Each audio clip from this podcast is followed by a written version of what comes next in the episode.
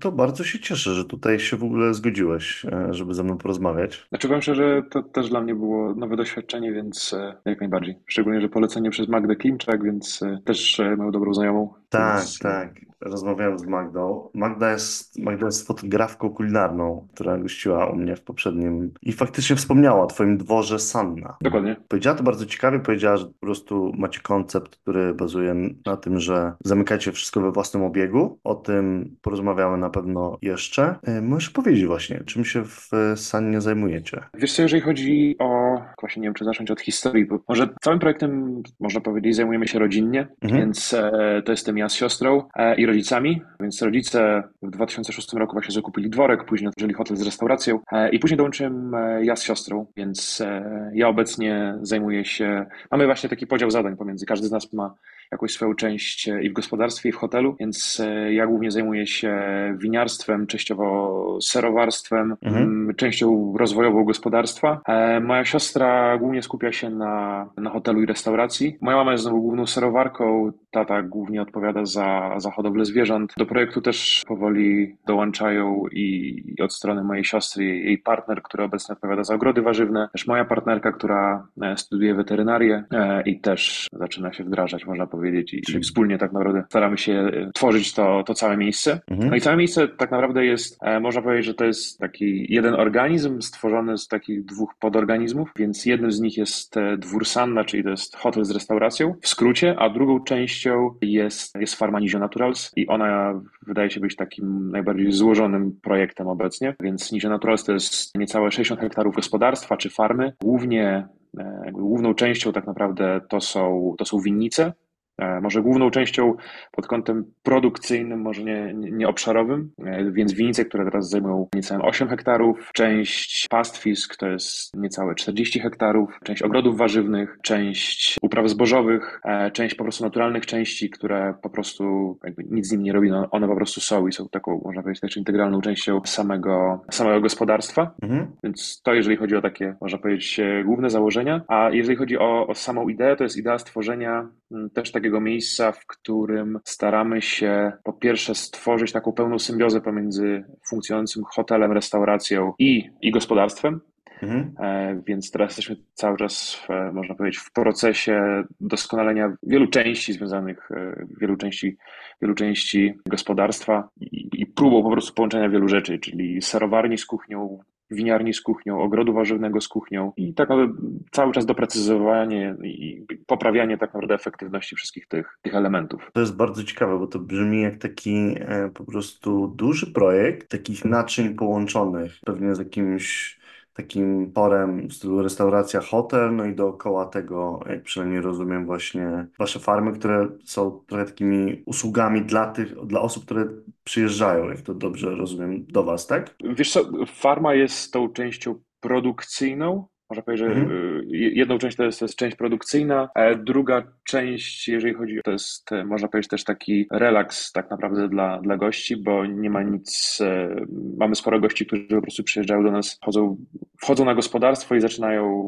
krótko mówiąc, odpoczywać. Sam Mm. kontakt ze zwierzętami jest bardzo uspokajający, relaksujący. Mm. E, można powiedzieć, gospodarstwo ma taki jeden wymiar produkcyjny i drugi e, takiego, można powiedzieć, odprężenia dla, dla samego mózgu, dobro, dobrobytu, jakby do, czucia się komfortowo w pewnym, w, w środowisku tak naprawdę. Jasne, jasne. O tym też pogadamy. Tak, żeby przedstawić to po prostu mój wybór gości e, w takim e, założeniu koncepcji, to są osoby, które po prostu e, żyją pasji, to tak górnolotnie brzmi, ale po prostu robią to, co lubią i, i przyciągają tym inne osoby i tak jak Magda opowiadała o waszym projekcie, no to, to bardzo się zaciekawiłem i po prostu powiedziała, napisz do, do Karola i pogadajcie ze sobą. Ciekawe, że też, też mam biznes rodzinny, to co się stało w tym 2006 roku? Jak to się zaczęło w ogóle tej waszej rodzinie, że pewnie co wiedzieliście, że będzie w tę stronę zmierzać wtedy, czy może jakoś... Totalnie nie. Totalnie nie i tak naprawdę rodzice którzy są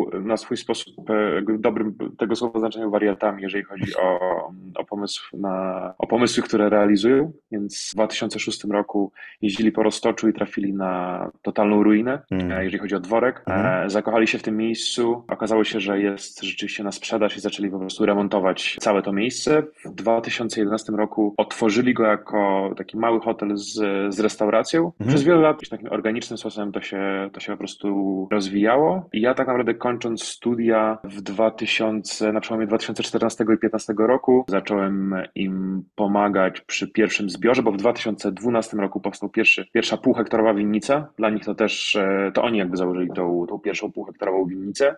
Hmm. E, I dla nich to było. Nie mieli nigdy do czynienia z, gospodar z gospodarstwem, z rolnictwem, hmm. z przetwórstwem. Czyli od zera na bazie jakichś takich tak. swoich zainteresowań. To... E, bardziej na. Kurczę, to są takie przypadkowe pomysły, które zaczęły się realizować. Jak naprawdę zaczęli, posadzili te pół, to, te pół hektara w 2012 roku, kiedy polskie winiarstwo było totalnie na samym początku swojej drogi. Też taka jedna historia, która też w międzyczasie się pojawiła. Oni wtedy znaleźli firmę, która właśnie sadzi winnicę, więc posadzili razem z nią i opowiadali mi właśnie, że po całym nasadzeniu siedli razem z, z tym winiarzem. On otworzył swoje butelki e, i byli totalnie przerażeni, bo do tego spróbowali fatalnego wina i wtedy myśleli, że to jest jeden z największych ich błędów, które popełnili. E, można powiedzieć, e, biznesowych w życiu. Pierwszą osobą, z którą e, współpracowali, tak? Która gdzieś tam... Która sadziła winnicę i która okay. też prowadziła swoją winnicę i on przywiózł po prostu swoje, swoje wina. Teraz w perspektywie czasu okazało się, że po prostu są, są słabe wina, więc ja w 2015 Ale to musieli się już roku... znać trochę na nich, na tych Wiesz winach. myślę, że... Lubić. Ja uważam, że, że, że na winie niekoniecznie trzeba się znać. Wino ma taką jedną funkcję, którą powinno spełniać, to jest dawanie przyjemności, więc albo coś mm. daje ci przyjemność, albo ci ją odbiera, więc jeżeli odbiera, to znaczy, że wino jest niedobre, a jeżeli ci udaje, to znaczy, że jest dobre i myślę, że to też jest taki dosyć prosty, prosty szlak, którym można operować w, i w winiarstwie, i, i w gastronomii. Mm. Więc w 2015 roku, ja kończąc studia, bo studiowałem inżynierię budownictwa, więc trochę inną, inną tematykę, zacząłem pomagać im przy pierwszym zbiorze, byliśmy totalnie zieloni, czyli totalnie nie wiedzieliśmy o niczym, krótko mówiąc. Więc ja zacząłem bardzo mocno tą wiedzę, tej wiedzy szukać i wtedy poczułem, że to jest taka dziedzina, która bardzo, bardzo łatwo mi po prostu przyswajać wiedzę w, w mm. winiarstwie, więc e, to był okres, w którym e, studiowałem w Warszawie, więc e, sporo, sporo podróżowałem między Warszawą a właśnie wierzchowiskami. Miałem sporo czasu na, na czytanie, więc krótko mówiąc przebrnąłem przez Biblię winiarskie pod kątem technologii i zacząłem się tym bardzo mocno interesować i właśnie od 2016 można powiedzieć, że zrezygnowałem z dalszego rozwoju w kierunku budownictwa. Tak naprawdę wróciłem w rodzinne strony i zająłem się, zająłem się winiarstwem. I w sumie mm. dwa lata później e, bardzo podobną decyzję podjęła moja siostra, więc ona również tak naprawdę wróciła i zaczęliśmy tworzyć to miejsce już e, wszyscy razem, wspólnie tak naprawdę. E, kurde, fajnie, pasjonująco to brzmi i to tak brzmi mi naturalnie, że to pod żadnym jakimś, wiesz, przymusem, że to już tam rodzinny biznes, jak, nie wiem, w jakichś sukcesjach, tylko po prostu taka naturalna droga gdzieś z jakichś takich zainteresowań, z ciekawości. Przynajmniej tak mi to brzmi, takie mam wrażenie, jak o tym hmm. opowiadasz. Znaczy dla mnie to było, winiarstwo było, ja, ja, wtedy nie, jeszcze nie rozumiałem tego przez pryzmat takiego biznesu i w czymś, czy, w czym w przyszłości będę, że będę z tego żył, bardziej traktowałem to jako hobby. W międzyczasie też no, rodzice prowadzili inną działalność, którą można powiedzieć, oni przeprowadzili się do, do dworu Sanna, ja zająłem się nią i w międzyczasie ja tak naprawdę zajmowałem się czymś innym, bo bardziej właśnie w, w, w, działalności budowlanej, a tak naprawdę po pracy przyjeżdżałem i zajmowałem się, zajmowałem się winem. Czyli oni też e, pracowali Aż... w, innych, w innych branżach przy okazji? Tak, mm, tak, tak, tak, tak. Pobocznie tak, oni... dworek powstawał sobie? Tak, no to też było tak, że to był początkowo projekt trochę ich takich marzeń, więc jakby ciężko hmm. było to realizować, żeby to było w 100% e, od samego początku takie samo Trzeba mieć kasę na te marzenia najpierw. tak, więc, więc ja pracowałem tak naprawdę w dwóch miejscach. Znaczy hmm. pracowałem, w jednym miejscu pracowałem, a w drugim się realizowałem, ale w pewnym momencie powiedziałem im, że ja jestem, że chciałbym tak naprawdę tę drugą firmę doprowadzić do pewnego momentu rozwojowego hmm. e, i ją po prostu sprzedać.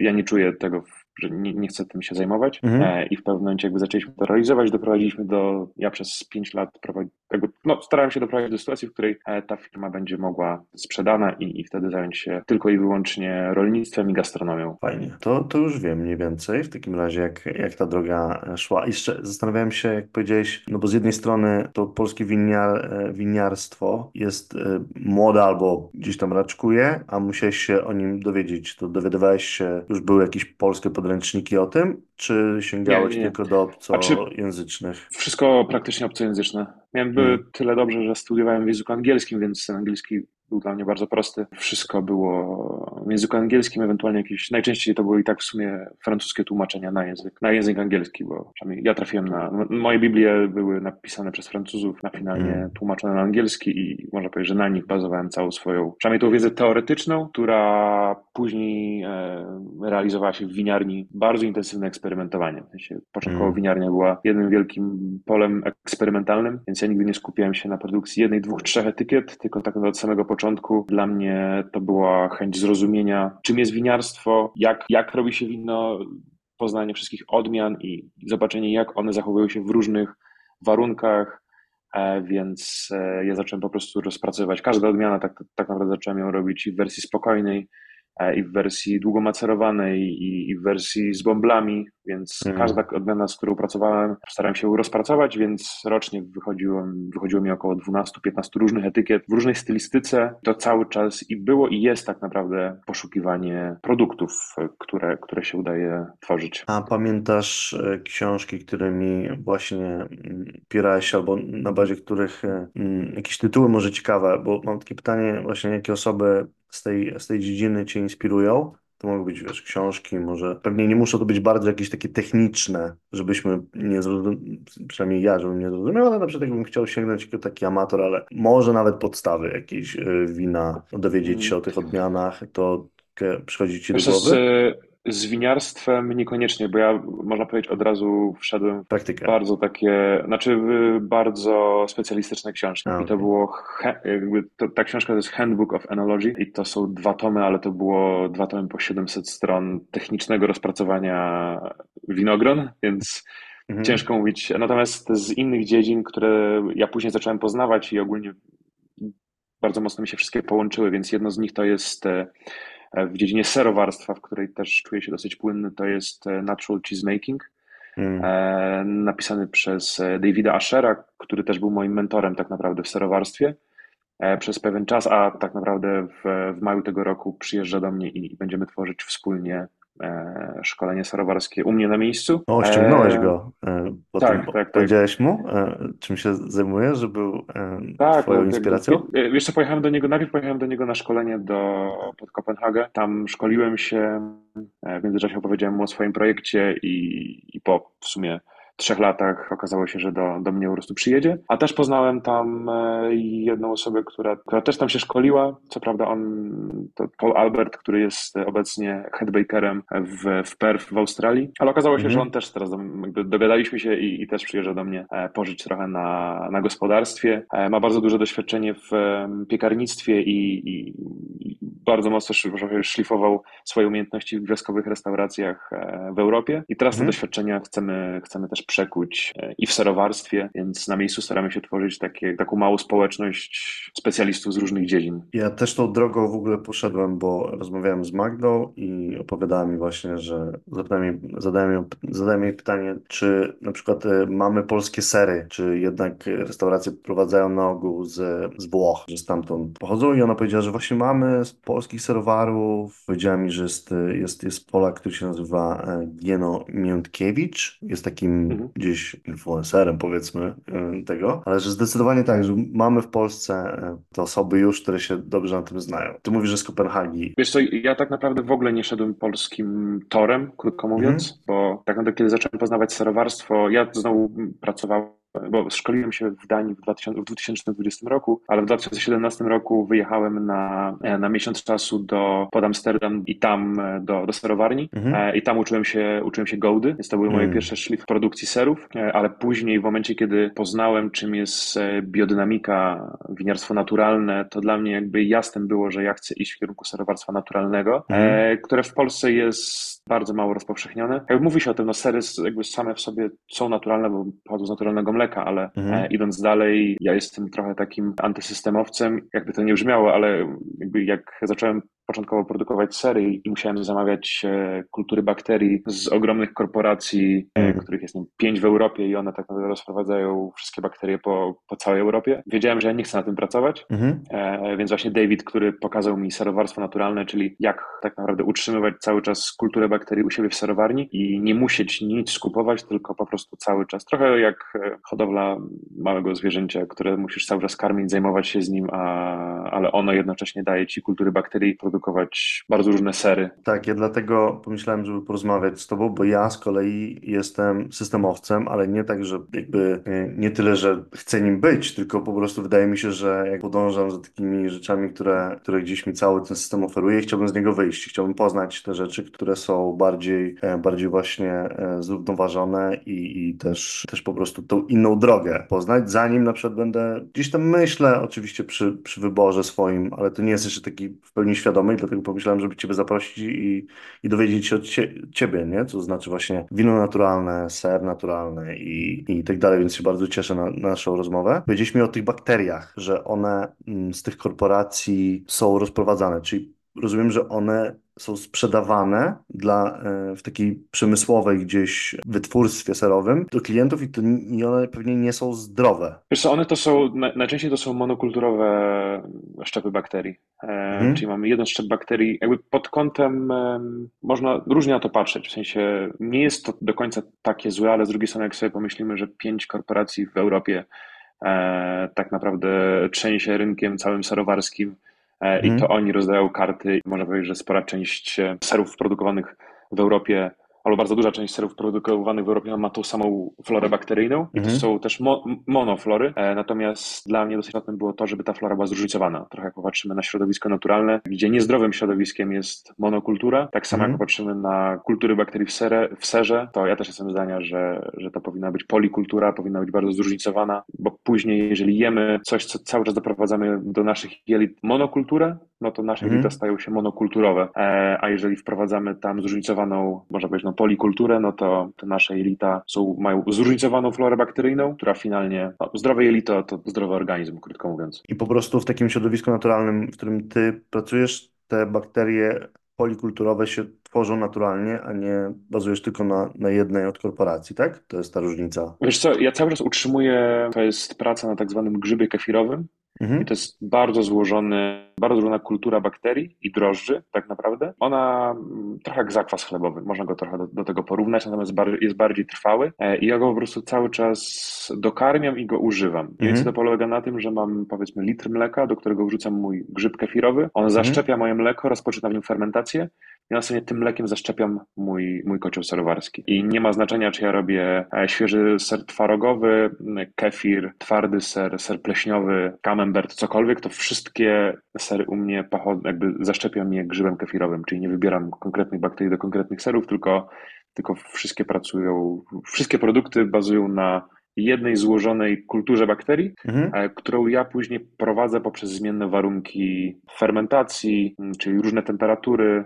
Zmiennym procesem mogę po prostu kontrolować to, w jakim kierunku albo które, którą grupę z bakterii, które znajdują się w tej dużej grupie, można powiedzieć, propagować, a którą mniej. Mhm. Czyli na ogół jak e, idziemy do supermarketu po ser, to on, skoro jest przemysłowy, no bo jest sprzedawany na taką dużą skalę, pewnie będzie monokulturowy, w sensie jeśli chodzi o Tak. bakterie, tak? Znaczy, tym też jest e, dosyć duży problem, bo jesteśmy totalnie po dwóch stronach barykady, e, Mhm. bo w przypadku sera przemysłowego po pierwsze całe mleko, które jest używane do przemysłowych serów jest pasteryzowane, czyli w pierwszym rzucie tak naprawdę pozbywamy się wszystkiego tego, co dało nam zwierzę, e, Mhm. co dało nam środowisko, a później zaszczepiamy konkretną, pojedynczą florą. Mhm. E, Natomiast w przypadku mojej produkcji raz e, nigdy mleko nie jest pasteryzowane, poza jogurtem, ale jogurt po prostu to jest trochę inny produkt, on wymaga pasteryzacji e, ze względów technologicznych, więc ja tych, ich nie pasteryzuję, czyli moje bakterie, które dają mi zwierzęta, przechodzą do tego mleka i, i mam bardzo zróżnicowaną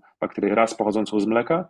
I to jest A dobrze, następnie- rozumiem, że jak jest pasteryzowane, czyli to na ogół, które e, mamy w sklepach i ona jest bez tych zwierzęcych gdzieś, nie powiem naleciałości, ale bez tej, tego biosystemu. No, jakby ja totalnie nie wiem do końca jak to nazywać. Dla człowieka jest złe, tak? Czy, czy to też trudno tak ocenić, e, żebym dobrze zrozumiał? Wiesz znaczy, jak zobaczę dalej- pasteryzowane, Dalej e, jakby musimy iść. e, Znaczy, jak zobaczysz, jak zobaczysz pasteryzowane, to nie Mhm. jest. Jeżeli cały czas będziesz jadł ser, który będzie miał jedną monokulturę, twoje jelita No w tak, perspektywie tak. czasu też będą stawały się monokulturowe. E, To jest tak, jakbyś e, popatrzył na ogromne pole kukurydzy, a obok Mhm. na bardzo zróżnicowane pole różnych upraw. I teraz jakby to jest dosyć jasne. Zadaj sobie pytanie, która uprawa będzie lepsza dla środowiska, czy w przypadku naszych, dla naszych jelit, dla naszego organizmu. Czyli te Mhm. polikultury, czyli te złożone kultury wpływają zdecydowanie lepiej na nasze, na nasze jelita niż te monokulturowe i jednoszczypowe produkty. Ciekawe bardzo. No to dowiedziałem się już e, i w ogóle widzę, że masz bardzo dużą wiedzę i ja bym chciał z tej wiedzy e, korzystać jak najbardziej. Myślę, że to może być e, bardzo ciekawe dla, dla naszych e, słuchaczy, którzy, którzy po prostu sięgną po, e, po tę rozmowę. Przyszło mi do głowy jeszcze,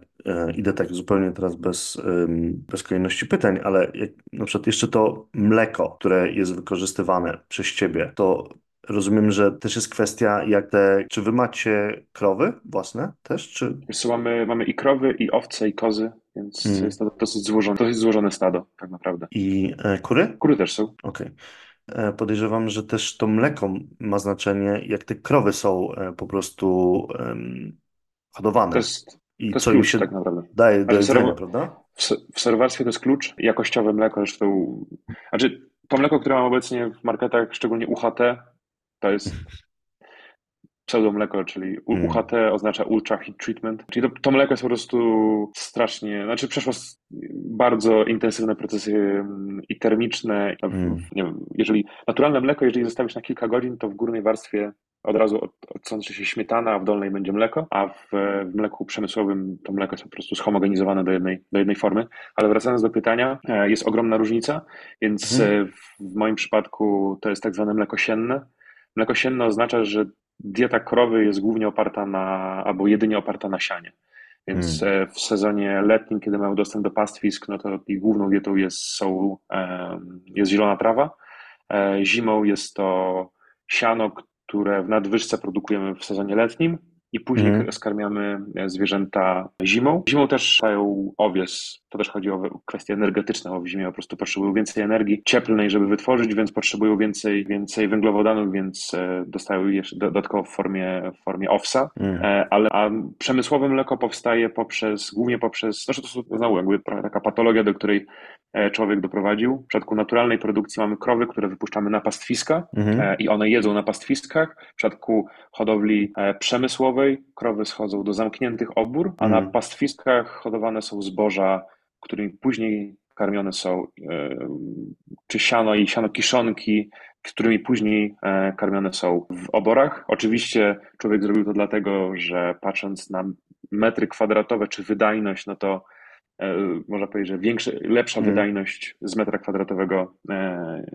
jest w przypadku hodowli przemysłowej i ta ho- hodowla przemysłowa jednocześnie staje się bardziej ekonomiczna, ale Mhm. tylko jeżeli patrzymy przez. No, wydaje mi się, że nie możemy na żywność patrzeć tylko przez pryzmat ekonomiczności, Mhm. no bo tak naprawdę jak patrzymy, to jest jakby to jest jedyna rzecz, którą wprowadzamy poza powietrzem, którą wprowadzamy do swojego organizmu i jakby wydaje mi się, że to oszczędzanie, znaczy chociaż z drugiej strony też żyjemy w takiej jeszcze tak zboczę trochę z z toru, żyjemy w czasach, w których e, tak naprawdę jemy bardzo dużo, Mhm. średnio, bardzo dużo, bardzo słabej jakości jedzenia, więc Mm. tak naprawdę w dosyć prosty sposób moglibyśmy ograniczyć sobie ilość kalorii dziennej, które zjadamy, Mhm. e, zamienić po prostu tą dużą ilość jedzenia na mniejszą ilość, ale bardzo jako, jakościowego jedzenia. Mm. I dalej ekonomicznie będziemy w bardzo podobnym obszarze, czyli możemy wydawać tyle samo, ale po prostu jedząc mniej, ale jedząc dużo bardziej jakościowe jedzenie.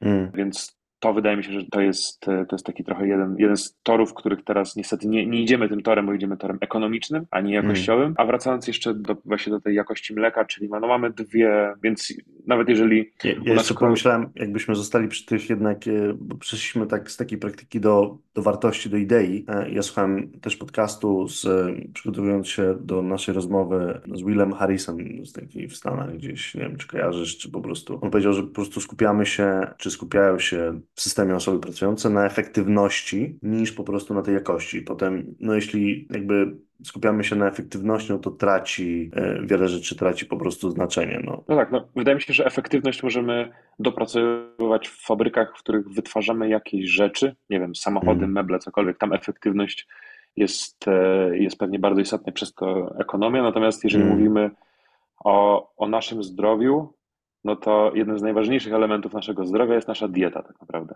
Mm. Więc e, znowu wchodzimy w taką pewną e, patologię, czyli jemy słabej jakości jedzenie, żeby później w drugiej części swojego życia wydawać ogromne ilości pieniędzy na leki, które będą nas leczyć. I to też jest jakby kolejna patologia, zamiast od samego początku po prostu e, dobrze się żywić. I wydaje mi się, że w przypadku żywności ekonomia prowadzi do obopólnych strat, czyli jak mm. idziemy torem ekonomicznym, to nie to, że my jemy słabo jakościowo, to środowisko na tym traci. Jakbyśmy zmienili w przypadku żywności, czyli jedli mniej dobrej jakości, za tym idzie trochę droższej, trochę droższego, tro, trochę droższego jedzenia, to wchodzimy w sferę a, i zaczniemy na przykład używać produktów z rolnictwa regeneratywnego, no to mamy sytuację, w której my jemy dobre rzeczy, mhm. pozytywnie wpływa to na nasze zdrowie, a jednocześnie te produkty pozytywnie wpływają na środowisko. Więc mamy w małych zmianach tak naprawdę żywieniowych jesteśmy w stanie nie tylko wpływać pozytywnie na swoje zdrowie, ale też pozytywnie na środowisko. Więc mamy tak naprawdę upieczone dwie pieczenie na jednym ogniu, a w drugiej sytuacji i źle wpływamy na siebie i źle na środowisko. Mm. Ale idziemy ekonomią, czyli idziemy po prostu tanim, mało jakościowym produktem. Totalnie, zgadzam się e, i no, to jest e, warte po prostu szerzenia edukacji z pewnością. Natomiast tak zastanawiałem się po prostu, czy, no bo też, żeby nie demonizować jakoś te osoby, które po prostu zajmują się tą żywnością bardziej przemysłową. Czy to jest tak, że oni to robią, bo są, bo często widzę taką retorykę e, wśród na przykład, nie wiem, lewicowych e, aktywistek, że wiesz, że oni tak bardzo mhm. stanowczo się do nich odnoszą i zastanawiam się, czy po prostu to nie jest też tak, że po prostu tyle jest osób na świecie i tak to wygląda, że oni jednak no, muszą produkować tyle, nie, w sensie tyle jedzenia, nie? Mm. Znaczy, to, to, to jest bardziej kwestia ogólnego systemu, w którym żyjemy, więc to mm. nie jest wina rolników, że tak tworzą, bo od rolników wymagają tego e, dystrybutorzy, od dystrybutorów wymagają tego e, finalni sprzedawcy żywności, a od finalnych żywno e, sprzedawców żywności wymaga tego konsument, który chce tani produkt. I wydaje mi się, że to nie jest absolutnie wina rolnika, że pracuje w takim systemie, w jakim pracuje, ale ten system został stworzony i, i wytworzony na przestrzeni ostatnich 60 lat, czyli czy 70 mniej więcej od, e, no, od II wojny światowej, rewolucji przemysłowej. Mm. Druga wojna światowa myślę, że też sporo, e, sporo zmieniła, bo wtedy zaczęły być produkowane w dużej ilości nawozy, mm. zaczęły powstawać korporacje, które zaczęły pracować na tym, no i później, później wpadliśmy w, w, wir, w wir zysków dużych korporacji i sam system zaczął się po prostu w pewnym, w pewnym sensie tworzyć i a wszyscy zaczęliśmy w niego wchodzić jak w masło, krótko mówiąc. E, też słuchałem o tym e, i o nawozach, że tak naprawdę po chyba, mm, nie wiem, czy fabrykach zbrojeniowych, jakby zastanawiano się, co z nimi zrobić i po prostu zdecydowano, że wezmą sprzedawców i zaczną te, e, te nawozy, które tam pewnie możesz, może mi po, po prostu więcej opowiedzieć, jeśli, jeśli wiesz bardziej, po prostu sprzedawać do, do, do rolników i w ten sposób zarabiać, tak? Proces produkcyjny prochu strzelniczego jest dosyć podobny do procesu produkcyjnego nawozów konwencjonalnych, więc e, te siły, które wcześniej były kierowane w przemysł zbrojeniowy, zaczęły być kierowane w przemysł e, nawozowy.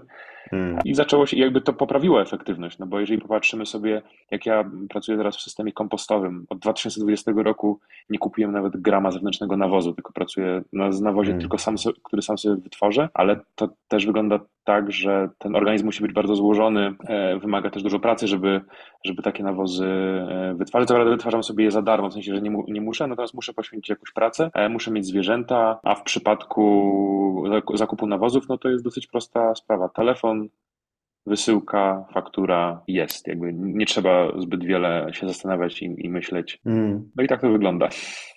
Czyli to trochę brzmi jak, że jakby złem jest trochę lenistwo e, osób, które gdzieś się ty, tym, tym zajmują, przynajmniej, albo nie Czy, wiem, to, czy, może len, brak ich, czy lenistwo, brak czasu z powodu tego systemu, żeby też tak nie, no no, żeby nie, nie obwiniać może, Mm, ale skąd to... kurczę, jakby skąd to, skąd to wynika, ciężko trochę powiedzieć. Znaczy, może czy wynika, wydaje mi się, w jakiejś tam części z tego, że korporacje, które zaczęły, ch chciały sprzedawać swoje nawozy, no bo widziały w tym duży zysk, zaczęły promować ten produkt te nawozy mm, w ostatnich czasach zaczęły być trochę drogie, ale wcześniej były bardzo tanie tak naprawdę w, w produkcji, więc mogli generować na nich dosyć duże zyski, Mhm. procentowo wcale nie, nie dużo na nich zarabiając. I wydaje mi się, że to była kwestia komfortu. No jako człowiek lubimy bardziej komfortowe rzeczy. Jeżeli mamy do wyboru coś bardziej komfortowego i mniej, no to za, raczej wybieramy tą opcję bardziej komfortową. I myślę, że tu też była ta, ta opcja bardziej komfortowa, która gdzieś finalnie po kilkudziesięciu latach zapędziła nas w, w pewien problem, z którego początkowo sobie pewnie nie zdawaliśmy pro, sprawy. Teraz zastanawiam się, jak to, jak to odwrócić i jak, jak słucham tego, co mówisz, to wydaje mi się, że już jest to taki moment, że tylko odgórnymi, odgó- odgórnym prawem em, można to zrobić, bo my jako ludzie możemy, i oczywiście możemy się edukować, ale tak, żeby to jakoś szybciej zrobić, czy ta edukacja w ogóle nadąży za tym. Wiesz co, to wydaje mi się, że dopóki, kurczę, jakby ja też jestem zdania, że e, tworzenie prawa, żeby zmuszać ludzi do czegokolwiek, zawsze prowadzi do problemów. I ja Mhm. akurat jestem zdania, że powinniśmy się, powinniśmy usuwać i, i tworzyć coraz mniej prawa, niż jeszcze bardziej go, go zawężać. Więc jak Mhm. w każdym, e, jak w, jak w większości dziedzin działa ekonomia, tak wydaje mi się, że dopóki to nie stanie się ekonomiczne, to przez, nie, przez, jakby nie będzie e, używane. Więc w tym przypadku mam, mówimy bardziej o łańcucha, da, łańcucha dostaw i jednym z Mhm. założeń tak naprawdę biodynamiki, czyli maksymalnym skróceniu łańcuchu dostaw. No bo Mhm. teraz mamy rolnika, który i jakby może dochodzimy teraz, bo to co dzieje się teraz e, w Polsce, to jest, e, wydaje mi się, że dochodzimy gdzieś tam do ściany, to nagle się okazuje, że w naszych warunkach nie da się produkować tak tanio, nagle się okazuje, że ktoś obok jest w stanie produkować to jeszcze taniej Mhm. E, I w tym momencie dochodzimy do ściany i okazuje się, że jest bardzo duży problem, Mhm. ale on jest związany po prostu z łańcuchem dostaw, czyli w sytuacji, kiedy rolnik sprzedaje do dystrybutora, dystrybutor do producenta, czy przetwórcy, przetwórcy znowu do dystrybutora, dystrybutor później do finalnego punktu sprzedaży, więc każdy ten element łańcucha dostaw, każdy chce zarobić i każdy chce mieć jakąś swoją marżę. A teraz gdybyśmy sobie wyobrazili, że te wszystkie marże e, zostają u rolnika i rolnik sam produkując e, żywność może sprzedać ją, albo przy, przy okazji jednego pośrednika jest w stanie sprzedać go finalnie do, do odbiorcy, to okazuje się, że wcale nie poprzez jakieś specjalnie duże podnoszenie cen finalnych produktów jesteśmy w stanie i rolnik jest w stanie zarabiać, więc wydaje mi się, że to trochę w nas leży, w nas wszystkich leży ta kwestia, żeby po prostu te łańcuchy dostaw skracać i niestety będzie to dzia musi działać trochę przeciw komfortowi naszemu, no bo Mhm. najbardziej komfortowo jest pójść do sklepu, który jest zaraz obok nas i wybrać jakieś produkty, niż e, zainteresować się, nie wiem, i znaleźć trzech, czterech, pięciu dostawców żywności, nie wiem, poprzez e, ich strony internetowe, czy poprzez pójście na targi i kupowanie u nich bezpośrednio. Mhm. Ale wydaje mi się, że to tu leży, w łańcuchu dostaw e, bardziej leży problem, że, żeby, że one muszą być skracane do absolutnego minimum, a teraz są wydłużane coraz bardziej, coraz więcej kolejnych podmiotów chce brać udział w tych łańcuchach. Te marże się zaniżają. Jak zaniża się marża, to zaniża się jakość. Po. To jest taki Mm. efekt domina tak naprawdę. Jak masz mniejsze zyski, to szukasz oszczędności. Jak szukasz oszczędności, to szukasz, to twoja jakość spada i to jest takie błędne koło, które po prostu Mm. dochodzi do jakiejś później pewnie patologii, którą mamy obecnie. I wydaje mi się, że teraz doszliśmy do takiej patologii, która za chwilę nie wiadomo jak się skończy, ale jakoś się będzie musiała rozwiązać. Czytałem e, książkę, tylko ona była bardziej e, filozoficzna niż, e, niż bazowała na, na takim rynkowym, rynkowym gdzieś, rynkowej wiedzy, ale było o tym, że jakby odkąd otworzyliśmy rynek właśnie jakby na cały świat, sprzedajemy i odbieramy te produkty od po prostu całego świata, że to też spowodowało, że, że pojawił się problem, jakoś tak mi się zapaliło. Powiedziałeś, że właśnie to otwarcie rynku, jakkolwiek jest dla nas e, świetne, możemy podróżować, ale powoduje tą konkurencję i ta konkurencja doprowadza do właśnie takich, e, nie wiem czy patologii, ale właśnie tej konkurencji cenowej, że właśnie się opłaca. Czy, czy widzisz taki problem takiego wolnego rynku, że on trochę, trochę to kreuje? Wiesz co, wydaje mi się, że to jest trochę tak jak e, jakby globalizm daje nam bardzo dużo korzyści i powinniśmy z niego korzystać w kwestiach, które rzeczywiście dają korzyści, podróże, możliwość, nie wiem, kupowania wysokiej technologii. No nie, nie mamy wysokiej technologii w Polsce, możemy kupić tą wysoką technologię gdziekolwiek na świecie i korzystajmy z tego, ale jak mówimy o żywności, no to hmm. żywność y, jest raz, no jakby wydaje mi się, że nie wszystkie elementy powinny się globalizować. Hmm. Jest część elementów, które możemy globalizować i które dadzą nam korzyści, ale globalizacja żywności e, powoduje utratę jakościową i utratę środowiskową. Więc wydaje mi się, że żywność jest, czy rolnictwo jest jednym z tych elementów, które powinny działać na lokalności, a nie na globalizacji. Hmm. Wydaje mi się, że to są takie. Mhm, to, jest, e, to jest istotne. No, pewnie jak e, powiemy jednemu rynkowi, że ten się może globalizować, ten nie, no to potem będzie pytanie, dlaczego, nie wiadomo, ale, ale no jednak y, to jest taki newralgiczny, no bo technologia, no właśnie, ale też technologia z kolei używana jest w gospodarstwach. Też czytałem na przykład, że nasze rolnictwo jest o tyle silne, że jest takie rozproszone bardzo, to znaczy, nie inaczej, że e, nasze rolnictwo jest, ma problem, bo jest właśnie takie rozproszone, a nie scentralizowane bardziej, jak na przykład francuskie albo i bardziej e, w Europie rozwinięte. E, i przez to, że zdecentralizowane, ciężko jest, jest unowocześnić tak łącznie, no bo to są... Znaczy jest, jest, poprzez to, że mamy duże rozdrobnienie, to bardzo dużo kosztuje jej unowocześnianie, bo wyobraź sobie, że w jakiejś wiosce jest 100 e, rolników i każdy z nich musi się unowocześnić, więc ile kapitału musi być zainwestowane w to, żeby każdy z nich się unowocześniał, niż gdyby było dwóch czy trzech dużych producentów. No okej, okay, jakby to rodzi sobą plusy i minusy.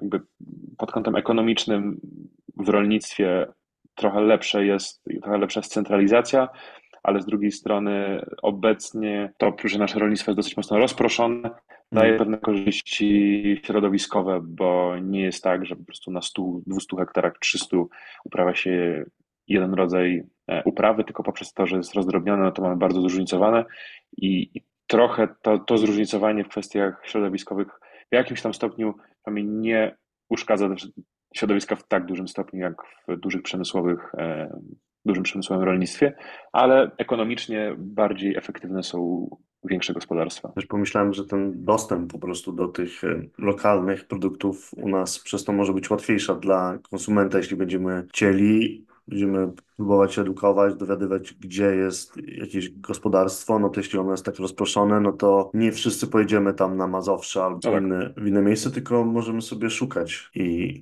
No tak, dokładnie. I, te rynki. Ciekawe, ciekawe. To też to wszystko. Mhm. Gdyby to też było na poziomie nie wiem, Polski, że nie wiem, jakaś część Polski skupia się na tym produkcie, jakaś część skupia się na tym produkcie. Serowarstwo na przykład skupiamy się na Warmii i Mazurach, bo w jakiejś innej części Polski po prostu jest mało efektywne. E, więc to też mogłoby być, że takie lokalne rynki specjalizują się. W, to też widać po, zresztą trochę po, po rynkach europejskich. Tam też jest taka regionalizacja, że pewne regiony, w pewnych regionach e, jakieś produkty bardzo mocno się, rolnicy się mocno się, się w nich wyspecjalizowali mhm. i, i w ten sposób różne regiony odpowiadają za różne produkty. Mhm. U nas e, i, i przez wojnę, i przez socjalizm jakby to zostało totalnie nie, nie, nie, wy, nie wyewoluował u nas. Mhm. Może teraz zaczyna powoli ewoluować, ale, ale to nie jest ten poziom, który, który jest przynajmniej w na zachodzie. Czyli żeby koncentrować jakby po regionach bardziej, tak? Się skupiać niż w jednym... Znaczy no, bardziej mówię o takich, bo prostsze produkty takie jak warzywa, no to im bliżej, tym mhm. lepiej. Nie ma sensu, żeby Pomorze specjalizowało się w pomidorach, ktoś inny w ogórkach i tak dalej, więc jakby nie o tym mówię, ale no nie wiem, bardziej przez pryzmat um, serów, e, sadownictwa, czyli wszystkich takich owocowych rzeczy. Są regiony, które się tego lepiej nadają, które się gorzej nadają. E, no nie miałem przykład Roztocza, gdzie uważam, że to jest idealne miejsce pod kątem sadownictwa, e, ale uważam, że to jest słabe miejsce pod kątem upraw zbożowych. A mhm. znowu są płaskie tereny jak Wielkopolska, które są znowu dużo lepsze pod kątem upraw zbożowych, a, a może trochę gorsze pod kątem upraw sadowniczych. Więc patrząc, jakby to też jest projektowanie środowiska, czyli patrzymy na środowisko e, i dobieramy pod niego po prostu najbardziej efektywną możliwą uprawę. I w ten mm. sposób później może dochodzić do specjalizacji regionów w produkcji różnych, różnych produktów. Zastanawiam się, czy pójść w temat, czy pójść bardziej w bieżączkę, bo e, też. E, czy ja w ogóle mogę Cię nazwać rolnikiem albo farmerem. Tak, nie, ja, się, nie znaczy, jest... ja, się, ja, ja, się, ja się czuję rolnikiem i, okay. i farmerem. farmer to jest bardziej takie z, z, no, z, z, z e, amerykańska wersja rolnika tak naprawdę. A to ma Więc ja jakąś się różnicę absolutnie pomiędzy sobą, takiej definicji, e, czy to po prostu... Wydaje mi się, że. Kurde, chyba nie. Okej, Może okej. farma jest, może, może farma jest bardziej. Nie, no, farma i gospodarstwo wydaje mi się, że to chyba są dosyć podobne e, słowa. Na gospodarstwo jest rolnik, na farmie jest farmer. Ale wydaje mi się, że to są chyba, to są chyba synonimy. Ciężko mi Mhm. teraz powiedzieć, ale to chyba są synonimy. Więc No ja czuję dobrze. się absolutnie rolnikiem. Nawet e, będąc winiarzem, czuję się chyba bardziej rolnikiem niż winiarzem, tak naprawdę. Mm.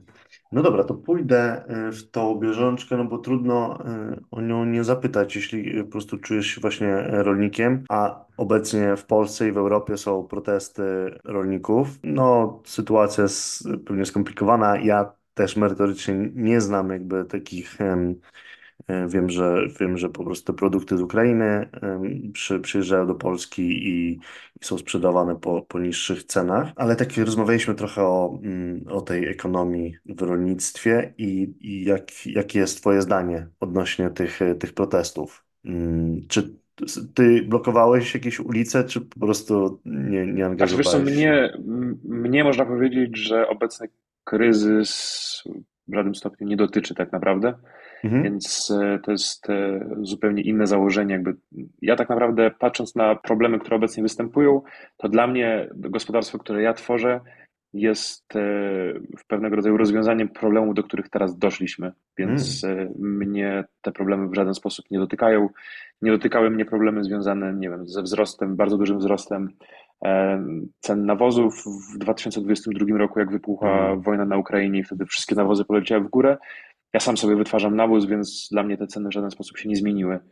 E, Obecnie też, e, więc wygląda to mm, zupełnie inaczej. Temat jest bardzo złożo- złożony, tak naprawdę. Ciężko go, e, ciężko go no, jakby poruszać, natomiast ja cały czas jestem zdania, że polskie rolnictwo mm, może rozwijało się, że kupowało nowy sprzęt, ale ono nie rozwijało się też w takim kierunku, żeby zacząć przetwarzać swoje produkty, czyli cały czas, krótko mówiąc, leciało na niskich marżach i nie tworzyło finalnego produktu, Mhm. tylko brało udział w systemie, czyli w skupach i te skupy dalej. I jakby w tym długim łańcuchu dostaw, czyli pracy, każdy pracuje na niskich marżach, e, zamiast, chociaż no też nie chcę jakby tego, ten problem, no Mhm. to nie jest problem, to nie jest, problem, to nie jest wina rolników, który teraz, do którego, który teraz wystąpił.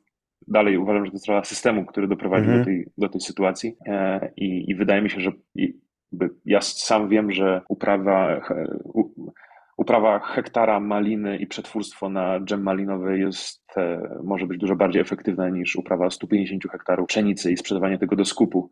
Więc e, mi się wydaje, że właśnie poszukiwanie wyżej marżowych, e, poszukiwanie przetwórstwa, Mhm. tworzenia marek, no ale jak tu już mówimy, no to wtedy rolnik bardziej musi być przedsiębiorcą Mm. e, niż rolnikiem.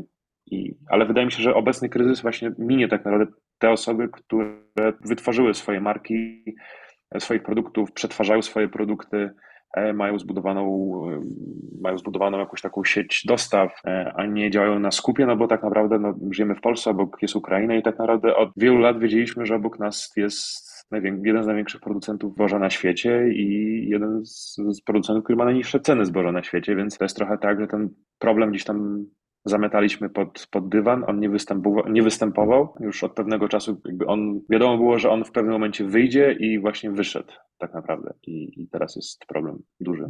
No to u nas, wiesz, typowe, że po prostu e, gdzieś staramy się e, nie, jakby nie, nie myśleć o tym problemie, o takim jego źródle, jakoś to tam będzie gdzieś Mhm. i, i, i w pewnym momencie e, to, mm, to staje się dużym kryzysem, ale to, co powiedziałeś, co mnie zainteresowało, że czyli na przykład jakbyśmy oferowali, promowali taki sposób rolnictwa, jaki e, ty prowadzisz, to możemy pójść do rolnika i powiedzieć, słuchaj, jeśli będziesz kontrolować ten cały, czy tam większość elementów tego łańcucha dostaw, to wtedy rynek dookoła cię nie będzie aż tak, nie będzie na ciebie tak wpływał i że to jest jakby przewaga, rozumiem, prawda?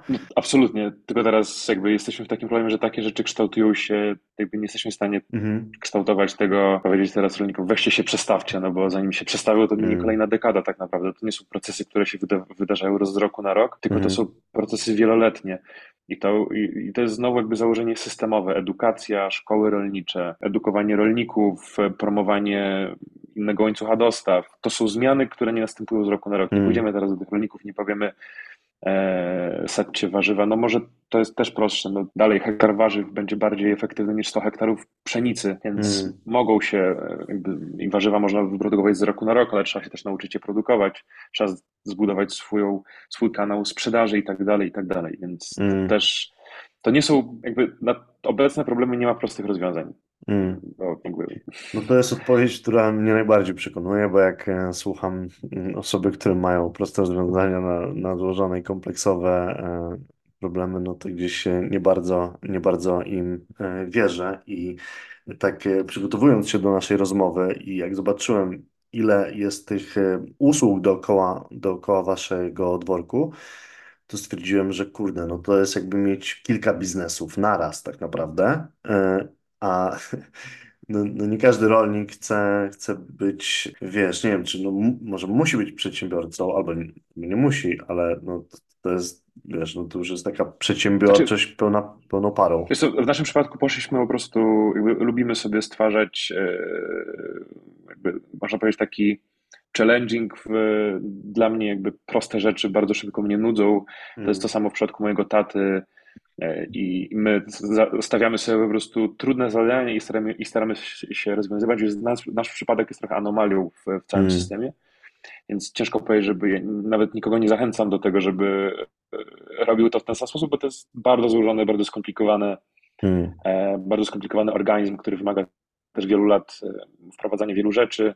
Trzeba mieć dużą chęć i zaparcie, i chęć zdobywania wiedzy, żeby w wielu obszarach zdobyć tą wiedzę. Ale to nie musi być tak skomplikowane, to może być dużo prostsze, można się skupić na jednej jakiejś uprawie, ale po prostu ją dopracować w, w, lepszym jakby, no gdzieś tam cały czas trochę tym, lokalnie też jest u mnie tutaj na Roztoczu dużo upraw maliny i ten łańcuch na przykład w przypadku maliny też jest taki, że jest dużo rolników, którzy skupują do skupu i później z tego skupu ktoś tam kupuje e, i przetwarza i dalej sprzedaje, więc e, dalej wydaje mi się, że jakby równoległe działanie, czyli że niech sprzedaje tego skupu, ale niech powoli zaczyna, zrobi tą swoją małą przetwórnię, niech powoli zacznie inwestować po prostu w rozwój swojego produktu i, i, i w ten sposób niech buduje swoją E, swoją, e, swoją markę, ale mhm. w moim przypadku też to było takie trochę, idea było stworzenia, to jest taki, nie wiem, trochę mm, postindustrialny, próba stworzenia postindustrialnego, idealnego, może to źle zamierzenie gospodarstwa, mhm. czyli jak popatrzymy sobie mm, na problem, który teraz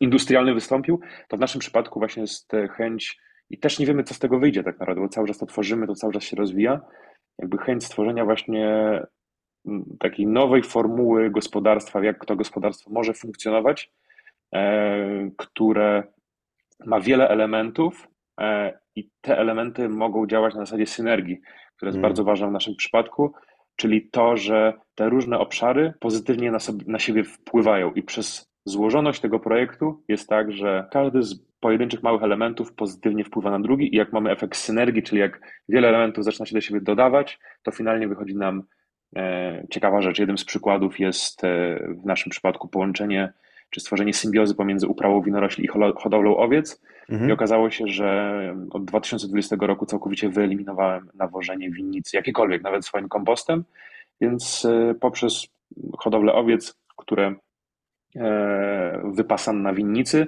doprowadziłem do symbiozy, czyli winnica pracuje tylko i wyłącznie, żyje tylko i wyłącznie dzięki wypasu, wypasowi, wypasowi owiec.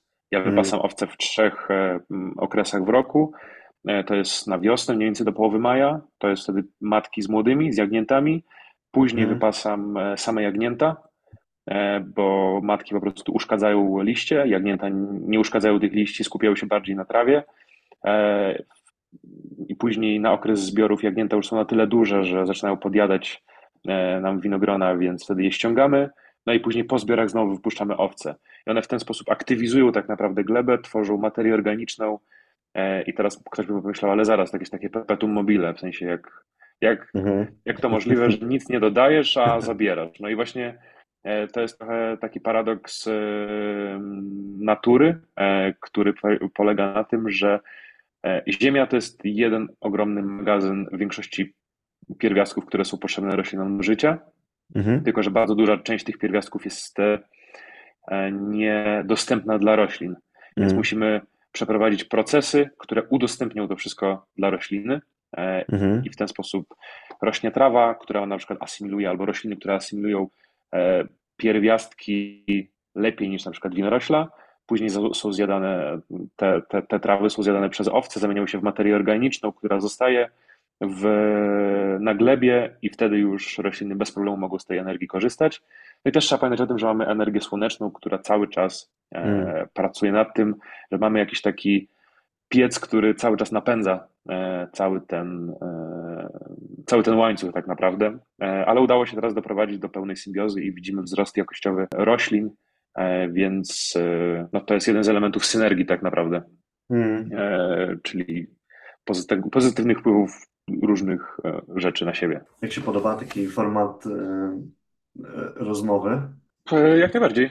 Ja ogólnie w tematach takich, których się czuję komfortowo, lubię dużo o nich mówić, więc Mm. jest w miarę, jest w miarę okej. No, to właśnie na tym też polega podcast, żeby mm, no, pogłębić tę tę wiedzę, e, no bo wiadomo, że jakby pewnie cię zaprosili, nie wiem, do telewizji, no to tam jakieś 10-15 minut, no i wtedy jest e, trochę trudniej, nie? To gdzieś wejść No tak. te, a, a ja lubię jednak e, na jakim zagadnieniu się bardziej skupić. Ja, ja się w ogóle nie przedstawiłem tobie. Mm, Myślałem, ja teraz mieszkam w Barcelonie obecnie od tam półtora roku, a wcześniej mieszkałem w Warszawie mm, i też mamy rodzinny biznes, mm, tylko, tylko taki mm, z kurczakiem z Rożna. Mamy mm, lokal Mhm. w, w, e, w Warszawie jeden, e, dwa w Warszawie i dwa poza. Ja jakby to, też moi rodzice założyli tam w 92 i tego e, całkiem rozwijałem, bo chciałem być takim przedsiębiorcą, miałem startup wcześniej, chciałem po prostu szybko rozwijać, ale gdzieś e, mam wiele osób, które na przykład e, byłem w takim, takiej sieci przedsiębiorców i tam są takie osoby, które prowadzą biznes, no taki bardziej z pozytywnym dla, dla świata sznytem i tak zacząłem się dowiadywać i, i poznawać te osoby i tak stwierdziłem też, że mamy dużego dostawcę, bo jak wiesz, na przykład y, Magda, y, z Magdą rozmawialiśmy o tym, że w Polsce nie ma producentów drobiu, którzy nie byliby za bardzo przemysłowi. W sensie Mhm. ci duży dostawcy, no to na ogół, na ogół są takie duże firmy, jakieś tam Super Drop i tak dalej, nie? I ja jakoś tam powoli wprowadzam jakieś takie właśnie elementy, czy na przykład kurczaka zagrodowego. Ta dostępność jest, jest trudna, no bo nie wiem, jak chodziłem po, po rynkach w Warszawie, no to, to z poszczególnymi pojedynczymi mogę się dogadywać, oni mają gdzieś ograniczoną ilość, nie? I to Mhm. jest, y, to jest taki, y, to jest to jest utrudnienie, no i kminie, jak to, jak to, jak to zorganizować. No to pewnie będzie tak stopniowo będę gdzieś e, pewnie. Mhm. Nie chcę w sumie za dużo o tym gadać, ale to jest właśnie jak starałem się, pamiętam, przekonać klienta, żeby kupił tą droższą odmianę, to wiesz, mówię do pani, no ale droższe oczywiście, w sensie e, droższe, ale też zdrowsze. Ona mówi, a nie, co dla męża, to, to nie trzeba drożej, nie, bo to dla męża jest, jest taka świadomość u nas, no i to Znaczy połączone. to, z- wiesz, to, to, to, są, to są rzeczy już jakieś tylko powoli, młode pokolenie jest jakaś szansa, że, że te, te będą bardziej podatne na zmiany, które, które występują, a, a z ludźmi, którzy przeżyli PRL, też biedę i tak dalej, no to jakby ich już się, że ciężko będzie ruszyć. Mm, E, więc więc to, to młodsze pokolenie, jakaś jest szansa na to, że. Ale to też jest, to są, wydaje mi się, że to są w ogóle procesy, które się dzieją bardzo długo, że jakby ja, to, co dzisiaj Ci mówiłem, to jest coś takiego, że takie bardziej idealistyczne, mhm, e, jak, jak, jak idealnie by było, żeby to, to wyglądało, ale jesteśmy społeczeństwem i, i te zmiany po prostu zachodzą dekadami. E, są różne strony, które to nie jest tak, że tylko gdyby wszyscy zaraz za, zaczęli się zastanawiać, co zrobić, żeby było lepiej, ale jest też tak, że jak tylko zaczniemy robić lepiej, to zaraz, znaczy jest lepiej, jakby, nie wiem, na przykład proekologicznie, to od razu znajdzie się spora część społeczeństwa, która będzie chciała już jakby to gasić i więc też w takich dużych społeczeństwach jednak jest coś takiego, że te zmiany zachodzą bardzo wolno, no bo są grupy, którym to odpowiada lub nie. I Mm. te zmiany po prostu nie wydarzają się tak szybko, jakby chciała. Ale to może z drugiej strony też dobrze w niektórych kwestiach, ale to, to masz rację, w sensie, że dostęp do, do tych produktów jest bardzo, bardzo ograniczony. Szczególnie w Polsce, jak mi się wydaje, że może na roz- roz- rozwiniętych rynkach, a w Polsce jednak była bardzo mocna centralizacja, znaczy centralizacja w sumie, centralizacja by to przyspieszała, ale jakby taka centralizacja, urbanizacja, industrializacja rolnictwa, Mhm. Mówimy tutaj o tym, że no nie wiem, na przykład w przypadku produkcji sera, no to w Polsce jest tam, nie wiem, siedmiu potężnych e, producentów sera, którzy odpowiadają za 80 czy 90% rynku. Mhm. I ten rynek po prostu jest. A im do większego teoretycznie rozdrobnienia dojdzie, tym większa szansa, że jakaś tam część producentów zacznie się zmieniać. Ciężko. No, no tak, ja też, też po prostu stwierdziłem, że od półtora roku, odkąd wyjechałem, to przestałem go tak rozwijać, ten biznes. No i teraz mam czas, żeby się skupić, jak to zrobić, żeby tak trochę u Ciebie w Twoim biznesie, żeby e, no właśnie może kontrolować więcej tych, tych elementów, żeby może em, poszukać ziemniaków zamiast kupować gotowe frytki, nie? Żeby samemu, samemu to, to, to robić albo też przy sosach, też przy mm, innych e, elementach. Też się tak zainspirowałem tym, co powiedziałeś, że kontrolujecie te. Też nie chodzi o kontrolę, bo to też wymiana jest jakiejś wiedzy przy tym i tam się dzieją cuda, tak jak mówiłeś, zanim mieliśmy przerwę, to to jest ten klucz, nie? Żeby, żeby po prostu dowiadywać się na, na wielu różnych polach. to i potem to wprowadzać. Mm, No ale to musi No iść tak. z, z jakimś. No nie możesz tak bardzo myśleć o sprzedaży i pchać, no bo wtedy to, to nie wyjdzie, no bo A czy, za, a zabraknie. czy właśnie to, wiesz, no, ja akurat jestem zdania, że jedna i druga rzecz musi się zgadzać, bo jak zaczniesz myśleć tylko Mhm. idealistycznie i tak dalej i Mm, przestanie biznes zarabiać, no to jakby on nie ma sensu. Więc mm, trzeba znaleźć złoty, złoty środek i on musi być tak naprawdę. Nie możesz przestać ani myśleć, jeżeli chcesz coś takiego robić, to ani o jednej, ani drugiej rzeczy nie możesz przestać myśleć. Mm, finalnie po prostu wpadniesz w jakieś, e, wpadniesz w jakiś taki, jakieś, jakieś koło. No w naszym przypadku to zaczęło to, to też działać, bo okazało się, że nie ma zbyt wielu takich miejsc w Polsce, albo mhm, praktycznie w ogóle nie ma takich miejsc w Polsce, i, a Polacy już powoli zaczęli, no, jakby mają więcej, mm, e, więcej też wydają i tak dalej, i tak dalej, więc w moim przypadku jakaś część, jakaś grupa już powoli zaczyna się formować ludzi, która rzeczywiście chce korzystać z takich, z takich rzeczy. mm. Czyli Mm. gromadzisz y, po prostu grono klientów, którzy no, Czy bardziej też są bardziej świadomych, świad... No, no, no. Tak, ale to jest też tak, że ja pamiętam, jak 10 lat temu to rob- gdzieś tam zaczynaliśmy to robić, to świadomość 10 lat temu, a teraz po prostu taka przepaść. Więc Mm. jakby wydaje mi się, że nadzieja jest w tej zmianie, która, która, która postępuje. No i nawet ta zmiana mm, i to nowe pokolenie może wywierać presję. No ja nawet no, niekomfortowo się czuję na przykład, że czasami jak dostaję pytania pewne, że mam kurczaki z hodowli przemysłowej, nie? I tam, no już nawet y, no, dostaję pytanie, nie wiem, dwa dni temu, o ile zwierząt musiało umrzeć, prawda? Albo, i to są naturalne i, i, i słusznie, że, że je otrzymuję, albo dlaczego na przykład y, wasze kurczaki, które sprzedajecie, się różnią i mówię wtedy, no mamy taką hodowlę przemysłową, która jest tańsza, no mamy też starszych klientów, oni więcej nie zapłacą i to jest Mhm. no to jest taki nasz typowy fast food, więc to nie są jacyś bogaci e, klienci, no ale mamy też przykładowo kurczaki, które są i zagrodowe, no i wtedy faktycznie jest ta dostępność, no ale to musi, u nas idzie to w parze po prostu ze sobą, no bo No, wydaje, wydaje mi się, że wiesz, to też nie ma sensu, bo mógłbyś nagle zmienić tylko na zagradowego i oka- okazałoby się, że po pół roku trzeba zamykać, zamykać biznes na przykład, bo, no, bo tak może być, ale e, wtedy warto jakby mieć dwie opcje i możliwe, że ta druga opcja w pewnym momencie zdominuje tą pierwszą. mm, Czyli ten kurczak zagrodowy zacznie się sprzedawać coraz większej, zaczniesz częściej o tym mówić, on się zacznie sprzedawać coraz częściej, a za 10 lat stwierdzisz, że w sumie już tego przemysłowego nie potrzebujesz i po prostu go usuniesz. I mm, jakby ja też jestem zdania, że takie, takie drastyczne cięcia no, finalnie mogą się też źle kończyć i, e, i to jakby część zmian, tak jak się rozmawialiśmy, że te zmiany po prostu zachodzą w perspektywie czasu, potrzebują dużo, dużo, dużo czasu i, i nie powinno się tak nagle, że nagle teraz, nie wiem, jest problem, to teraz wszyscy idą w ekologię i wszyscy tak i tak, no bo to też do niczego nie doprowadzi. Tylko, mm, że te zmiany gdzieś tam, to, że to będzie bardziej ewolucja, czy powinna być bardziej ewolucją niż, niż rewolucją w, tym przypadku. prawda. Przejdźmy do wina, bo wydaje mi się, że tutaj jest, to jest twój konik, wino i wino rośle, E, widziałem e, e, e, znaczy, no najwięcej w sumie Nizio Naturals i tak Tak, zastanawiam się. Mhm. tak. E, no Nizio Naturals to są wszystkie produkty, to nie są tylko wina. Znaczy zaczęło się od win, Okej. Mhm. ale to są, e, to są wszystkie produkty, które powstają na farmie Nizio Naturals, można powiedzieć. To są sery, to są warzywa, to jest też mięso, wiele różnych produktów, ale wina rzeczywiście, jakby to był, ja od tego zacząłem i później Mhm. wina wciągnęły mnie w serowarstwo, później w rolnictwo i tak dalej, ale od win moja, moja przygoda z rolnictwem zaczęła się od, od wina. E, A, czyli mięso też, też macie, tak? Swoją drogą. E, I też. No, e, tak, hodowla, hodowla zwierząt na produkcję mleczną zawsze wiąże się z produkcją mięsną.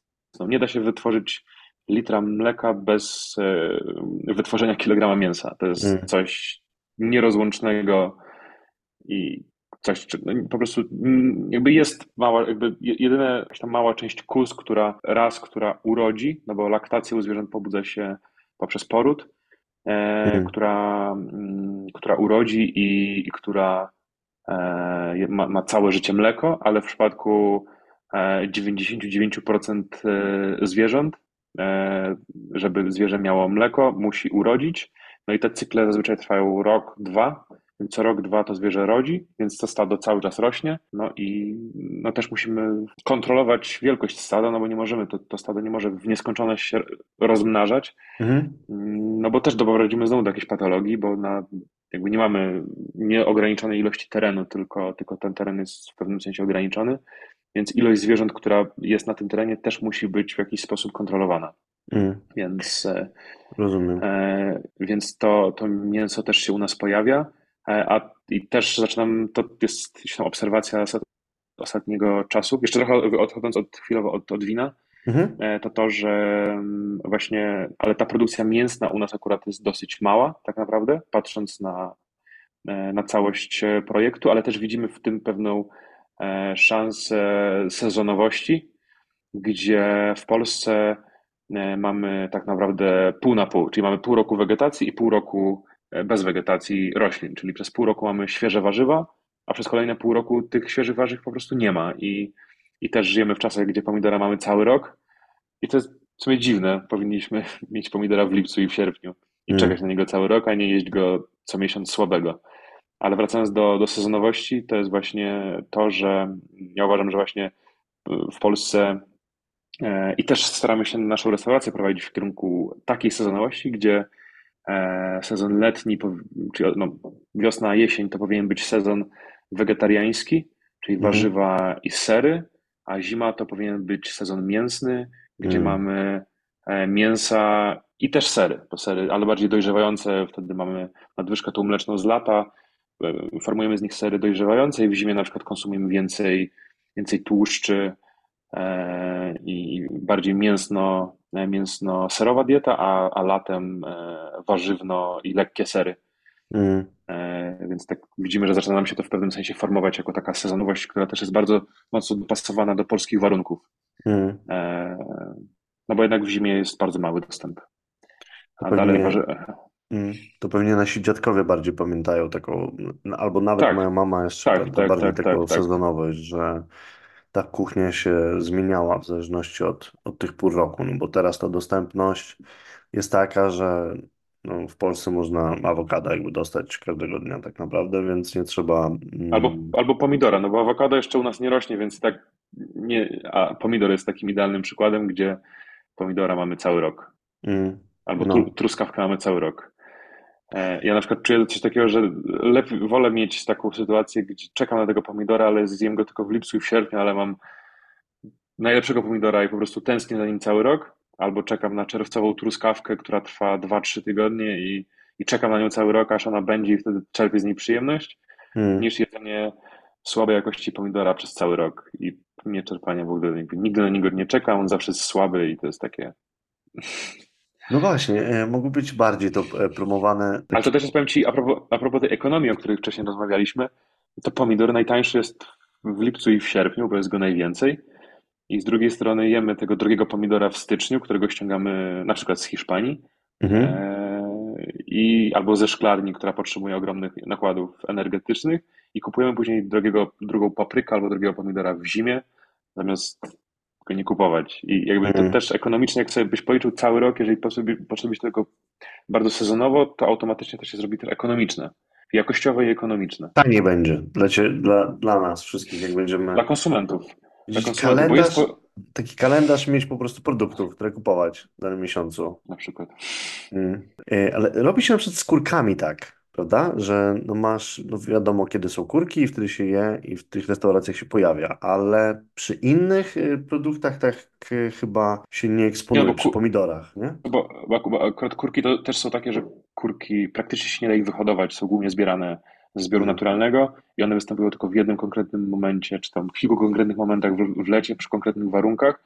A z pomidorem jest tak, że człowiek na tyle nauczył się kontrolować jego wzrost, że potrafi go uprawiać w każdym możliwym momencie.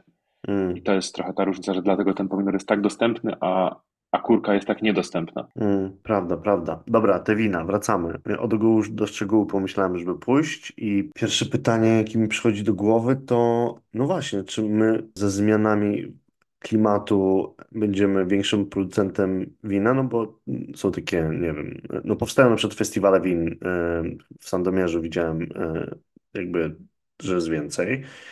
E, Jakieś plotki, że przykładowo, nie wiem, Francuzi rozglądają się za naszymi mm, terenami, no bo, no bo u nich na przykład e, powoli się zaczyna to nie opłacać, e, albo słysza w Hiszpanii przykładowo, no to, to jest taki, taki temat, że, że myślę bardzo wpływa. mm, No a teraz mamy Polskę i nagle w Polsce produkujemy wina, tak? I klimat, klimat powoduje, że Za, za, za, zaczęło być to możliwe, mhm, e, bo jeszcze 30 lat temu, 40, e, jak porozmawiamy z, naszymi rodzicami, dziadkami, zimy, które miały minus 30, minus 35, to była norma, to było co roku. E, i to mhm, dyskwalifikowało Polskę jako region e, winiarski. Przy okazji były też e, efekt e, socjalizmu, i, chociaż nie, no u nas akurat na naszych terenach nigdy ta winorośl nie była uprawiana akurat, więc, e, więc to wino po prostu nigdy nie byliśmy w strefie klimatycznej, która, która występowała. Znaczy, występowało to winiarstwo, ale ono było bardziej związane z, e, z chrześcijaństwem e, i to były bardziej wina mszalne obok e, jakichś klasztorów, ale to mhm, można powiedzieć, to był taki, to, był, to była mikroprodukcja na potrzeby konkretnej, małej bardzo grupy docelowej. To nigdy nie była gałąź rolnictwa, która u nas e, funkcjonowała. To było mhm, związane też z Cesarstwem Rzymskim, że na terenie byłego Cesarstwa Rzymskiego, wszędzie tam, gdzie cesarstwo było, to tam też uprawiano winorośla, więc najbliższy region nas, przynajmniej nie, mnie to była Słowacja czy, czy Czechy, bardziej Czechy. Eee, I a na przestrzeni ostatnich 20 lat te zmiany zaczęły rzeczywiście postępować. Zimy zrobiły się cieplejsze. No teraz, nie wiem, najzimniejsza część zimy to jest minus 20 stopni i nie, nie jest zimniej. Eee, I średnia temperatura też zaczęła u nas rosnąć, patrząc na w skali całego roku. Więc mhm, automatycznie Polska e, przeszła, jakby granica upraw winorośli przeszła, przeszła przez Polskę na przestrzeni ostatnich kilkudziesięciu lat. mhm, E, I my obecnie mamy jedne z najlepszych warunków w Europie do uprawy winorośli na wina musujące. Więc jeżeli mhm, popatrzymy sobie, bo nie wszystkie kategorie e, win w Polsce nadają się, jak pomyślimy sobie o winach czerwonych, no to mamy dosyć słabe miejsce na, w Polsce, a przynajmniej nie do końca dobre na uprawę mm, mhm, e, winorośli pod kątem win czerwonych, ale jak sobie pomyślimy o winach musujących, to obecnie mamy topowe warunki, czyli mamy lepsze warunki niż e, w Szampanii, no po prostu jeden z najlepszych warunków w Europie. E, Szampania zaczyna nam się gotować. W ostatnich latach prym mhm, najbardziej jakościowych win musujących w Europie przejęła Wielka Brytania, bardziej właśnie południowo-wschodnia część, czyli Kornwalia. Tam powstały obecnie jedne z najlepszych, albo nawet najlepsze wina musujące w Europie. Co mhm. prawda Anglicy praktycznie wszystko wypijają na miejscu, więc e, te wina do nas nie do końca docierają i nie widzimy na półkach e, takich, e, takich win, Brytyjskich win. Mhm. e, brytyjskich win. A w tym momencie wskazuje się Polskę, zresztą patrząc po średnich temperaturach, opadach, wskazuje się Polskę jako potencjalnie najlepsze miejsce klimatycznie do upraw winorośli pod kątem win win musujących e, i wydaje się, że ma to, ma to sens. A zmiany klimatyczne i tak postępują w sensie, no ja sam pamiętam, jak jeszcze Solarisa zbierałem w 2015 roku pod koniec września, a teraz zbieram go pod koniec sierpnia. Oczywiście tam z tym jest związana też wiek rośliny, e, ale tak czy inaczej, Solaris to jeśli rozumiem jest roślina, która, którą... to jest odmiana, to jest odmiana winorośli, która jest Mhm. najbardziej powszechną odmianą w Polsce. Jest Okej. pewnym rodz- rodzajem wyznacznika e, strefy upraw winorośli. No na Mhm. przykład e, Szwedzi zaczęli sadzić e, winorośle, Norwegowie zaczęli sadzić winorośla i Mhm. głównie sadzą e, Solarisa, więc Solaris jest trochę takim wyznacznikiem e, upraw, e, upraw winorośli. Mhm. No i w Polsce i Solaris jest bardzo mało wymagającą rośliną, ale w Polsce uprawiamy Również takie odmiany jak Pinot Noir, Chardonnay to są odmiany, które też u mnie są na winicy. I wyobraźcie sobie, że to są odmiany, które również są uprawiane w Kalifornii, w Napa Valley, hmm. czyli zobacz jak skrajne warunki tak naprawdę. I z jednej strony mamy Kalifornię, a z drugiej strony mamy południowo-wschodnią Polskę, Roztocze. Mm. I mamy, mamy te, same, te same odmiany, co oznacza, że e, ta roślina nie musi mieć idealnych warunków, tylko w różnych strefach klimatycznych te wina dają nam różny charakter wina. Czyli to e, znaczy, że bo wśród moich znajomych właśnie jest też tak, że powoli zaczynamy pić mniej mocnego alkoholu typu wódka, no i częściej wchodzi prosecco, na przykład na imprezach. I tylko to Prosecco na ogół nie jest jednak polskie jeszcze. Tak, znaczy, tak... Prosecco nigdy, nigdy nie będzie polskie, bo Prosecco mhm. jak szampan powstaje e, w konkretnym miejscu. Prosecco powstaje w, w okolicach miejscowości Valdobbiadene we Włoszech, szampan powstaje w Szampanii, która jest nad Paryżem. I to są tylko konkretne miejsca, regiony, w których może powstawać konkretnie to wino. Mhm. Oczywiście mhm. możemy zrobić e, wino w stylu Prosecco albo wino w stylu szampana, który mhm. będzie na przykład produkowany na Roztoczu, na Dolnym Śląsku, w Małopolsce i, i tak dalej. Czy możemy robić to w ten sam sposób, z podobnymi odmianami, ale nie możemy na pewno nazwać tego wina w ten sam sposób. Czyli przyszłe polskie brand taki e, wina znany, to nie będzie Prosecco, to będzie Roztocze. Będzie się nazywać...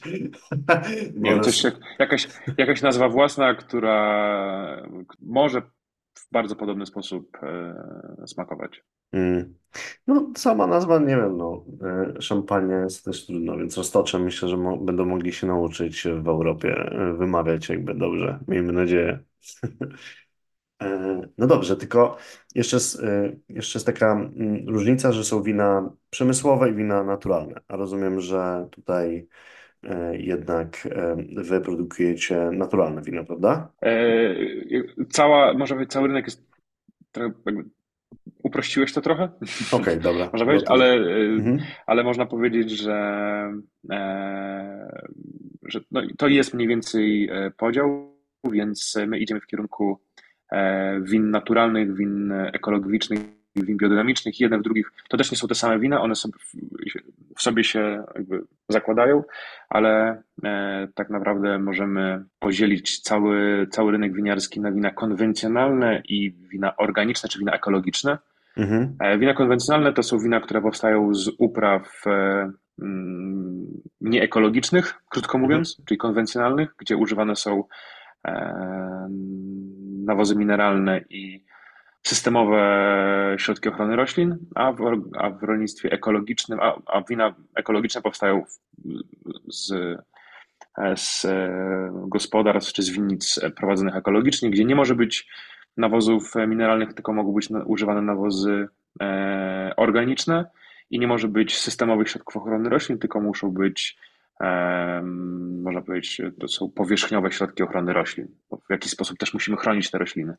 No i w winach później ekologicznych, e, w nich znajdziemy taką mniejszą kategorię, e, którą możemy nazwać e, winami naturalnymi. Mm. Więc, bo nie wszystkie wina ekologiczne będą winami naturalnymi. Okej, okay. Mm, rozumiem. No to upraszczając e, ponownie, czemu e, mam się roz, rozglądać za tymi winami, które mm, są, są e, właśnie ekologiczne jako, jako konsument, a nie, nie znaczy, korzystać z tych konwencjonalnych. Znaczy, wydaje mi się, że w pierwszej kolejności, jeżeli szukasz jakiegokolwiek wina, mhm. to jakby w pierwszej kolejności ja jestem zdania, że wino powinno sprawiać ci przyjemność, w ogóle jakby produkty gastronomiczne powinny sprawiać ci przyjemność, więc raczej szukałbym najpierw mm, po prostu win, które ci smakują, mhm. a drugim, trzecim elementem, pytanie jak bardzo zależy ci na tym, czy twój produkt jest ekologiczny i czy dobrze wpływa na środowisko i czy na tym w ogóle zależy, mhm. więc e, jakby pierwszym torem wyboru powinien być smak, e, drugim wpływ na środowisko, czy wpływ na twoje zdrowie, czy, mhm. czy no, w winach konwencjonalnych jest szansa, że będą jakieś pozostałości po, po pestycydach, w winach ekologicznych teoretycznie tak nie powinno być. Mm, no i w, tak naprawdę jak popatrzymy o, no, to tak, jakby to tak można było nazwać. A jeżeli popatrzymy właśnie na winiarstwo naturalne, no to winiarstwo naturalne to często jest też związane z takimi osobowościami, bo mm. e, praktycznie każda winica naturalna, nie znam chyba winicy naturalnej, które, które, z którą nie utożsamia się jej e, właściciel tak naprawdę, a winice konwencjonalne to też może wielkość winicy bardziej o tym, o tym decyduje, nie, nie to, czy są naturalne, czy nie, mm. ale bardziej wiąże się z tym historia danego miejsca, e, jego właśnie wpływ na lokalną gospodarkę, na środowisko, to jakie produkty robi, czy te produkty są po prostu winem, który się pije, czy one są ciekawymi winami, złożonymi winami. Ale to też zależy na jakim etapie winiarskim też jesteś, no bo wydaje mi się, że jak popatrzymy sobie na, na konsumentów win, no to nie ma co powiedzieć im, ktoś zaczyna e, przygodę winiarską i powiedzieć mu idź od razu w wina naturalne, bo prawdopodobnie jak on pójdzie w wina naturalne, to dosyć szybko się sparzy i, i tak naprawdę przestanie je pić. Więc wydaje mi się, że wybór win naturalnych powinien być takim trochę świadomym wyborem, że jeżeli pijesz wina i, i już zaczynasz się coraz bardziej tym interesować i, i wchodzisz w całą tą tematykę, to jeden z kolejnych kroków jest na przykład wejście w winiarstwo, e, winiarstwo naturalne, które daje bardzo dużo takiej i przyjemności w postaci smaku, ale również przyjemności w postaci odkrywania historii dosłownie. Mhm. Więc wydaje mi się, że to jest taka, taka bardziej droga nasza ewolucyjna, która się powinna powinna zajrzeć, bo też jest taki, coś takiego, że wina naturalne niektórym osobom kojarzą się z takimi bardzo hardkorowymi winami, mm. które pachną kapustą kiszoną, spalonymi włosami albo jakimiś takimi w ogóle mm. bardzo hardkorowymi rzeczami. I to niestety właśnie część winiarzy naturalnych, która zaczęła tworzyć wina naturalne i zaczęła pod przykrywką win naturalnych wprowadzać wina z błędami.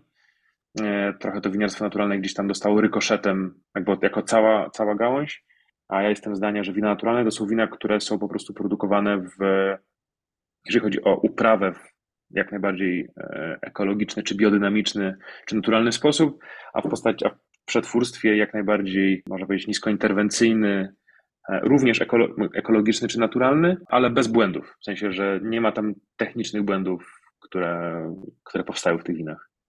Karola, odpowiedź, słuchajcie, jeśli tutaj y, jesteście dalej z nami do tego momentu, jest bardzo złożona i słusznie, dlatego zaprosiłem. E, ja, żeby uprościć, powiem, że nie mam kaca po naturalnych na przykład. I to jest jakby duży, y, duża, no tak, duża różnica, ale upraszczając, jak mówisz, ciągle.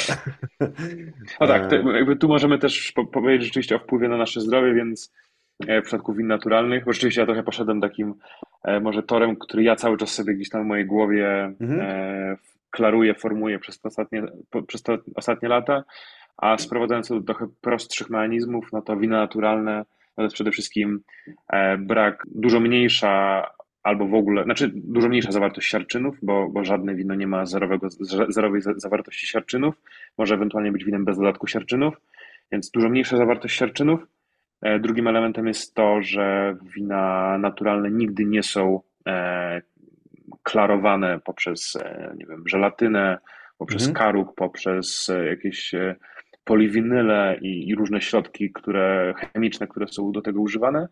Nie są do nich używane wzmacniacze aromatyczne. Te aromaty nie są powodowane przez związki aromatyczne, które się do nich dodają, tylko w winach naturalnych one powstają naturalnie. Hmm. Więc to jest trochę jak pójście do, do sklepu i kupienie parówki, która pewnie jest smaczna, albo pójście do rolnika ekologicznego i kupienie kiełbasy. Jakby może hmm. coś, coś takiego, że ten smak, wcale nie, nie mówimy, że wina naturalne są smaczniejsze, bo to już jest hmm. kwestia gustu, tylko one są po prostu dla nas pod kątem zdrowia lepsze. Chociaż też trzeba pamiętać, że pijemy alkohol, hmm. który i tak jest pewnego rodzaju małą trucizną. No bo jest etanol, prawda? I jakby tak, e, słuchałem, tak, tak, tak, słuchałem e, wywiadu z tam chyba nie, na... chcę, nie, nie, chcę po prostu powiedzieć, że wino jest dla nas zdrowe, bo tak czy inaczej jakby wydaje mi się, że wino ma tą funkcję społeczną i to mhm. dzięki tej funkcji społecznej, e, czyli to, że jak jesteśmy ze znajomymi, to to wino po prostu powoduje taką celebrację tego, tych, tych spotkań. Mhm. E, więc też nie chciałem mówić, że picie wina pozytywnie wpływa na nasze zdrowie bo bardziej wpływa na nasze, e, można powiedzieć, e, socjalne połączenia, a to one bardzo dobrze wpływają na nasze zdrowie.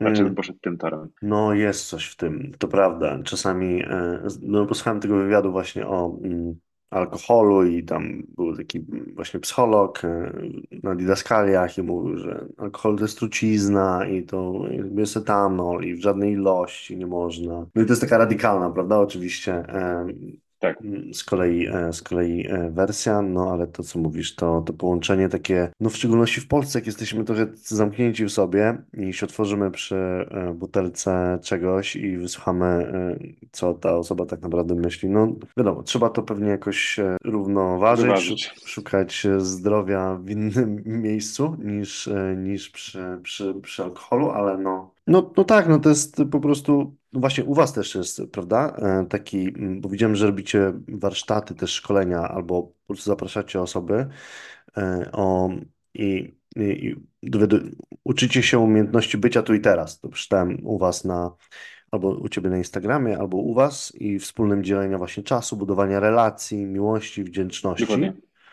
Jak wygląda, wy- wyglądają takie warsztaty, jak, jak pojadę? mm, E, Wiesz co, to, to nie są, znaczy to są warsztat? warsztaty, to Właśnie. jest, to, to, to nie ma takiej formy warsztatu, yy, gdzie ja pokazuję, jak się robi wino, tylko bardziej Mhm. chodzi o zrozumienie całego procesu, no bo wino robi się tak naprawdę na jesień, kiedy są zbiory, to jest taki krótki moment przetwórczy, więc bardzo ciężko przez cały rok przyjeżdżać i, i patrzeć, można wziąć udział w zbiorach, ale tak czy inaczej to jest bardziej obejście gospodarstwa, Mm. ono, ono trwa około 3 godzin, E, i po prostu uświadamianie, jak działa cały ten system związany i z winnicą, i z winiarstwem, i spróbowanie Mm. tych produktów, i zobaczenie, jak te rośliny rosną, w jaki sposób je nawozimy, e, czyli poprzez na przykład e, hodowlę owiec, e, jakie przycinamy, i to są, to, to bardziej jest obejście po prostu gospodarstwa w różnych porach roku i, i, Mm. i zrozumienie procesu, zrozumienie czym jest winiarstwo, jak bardzo jest połączone z rolnictwem,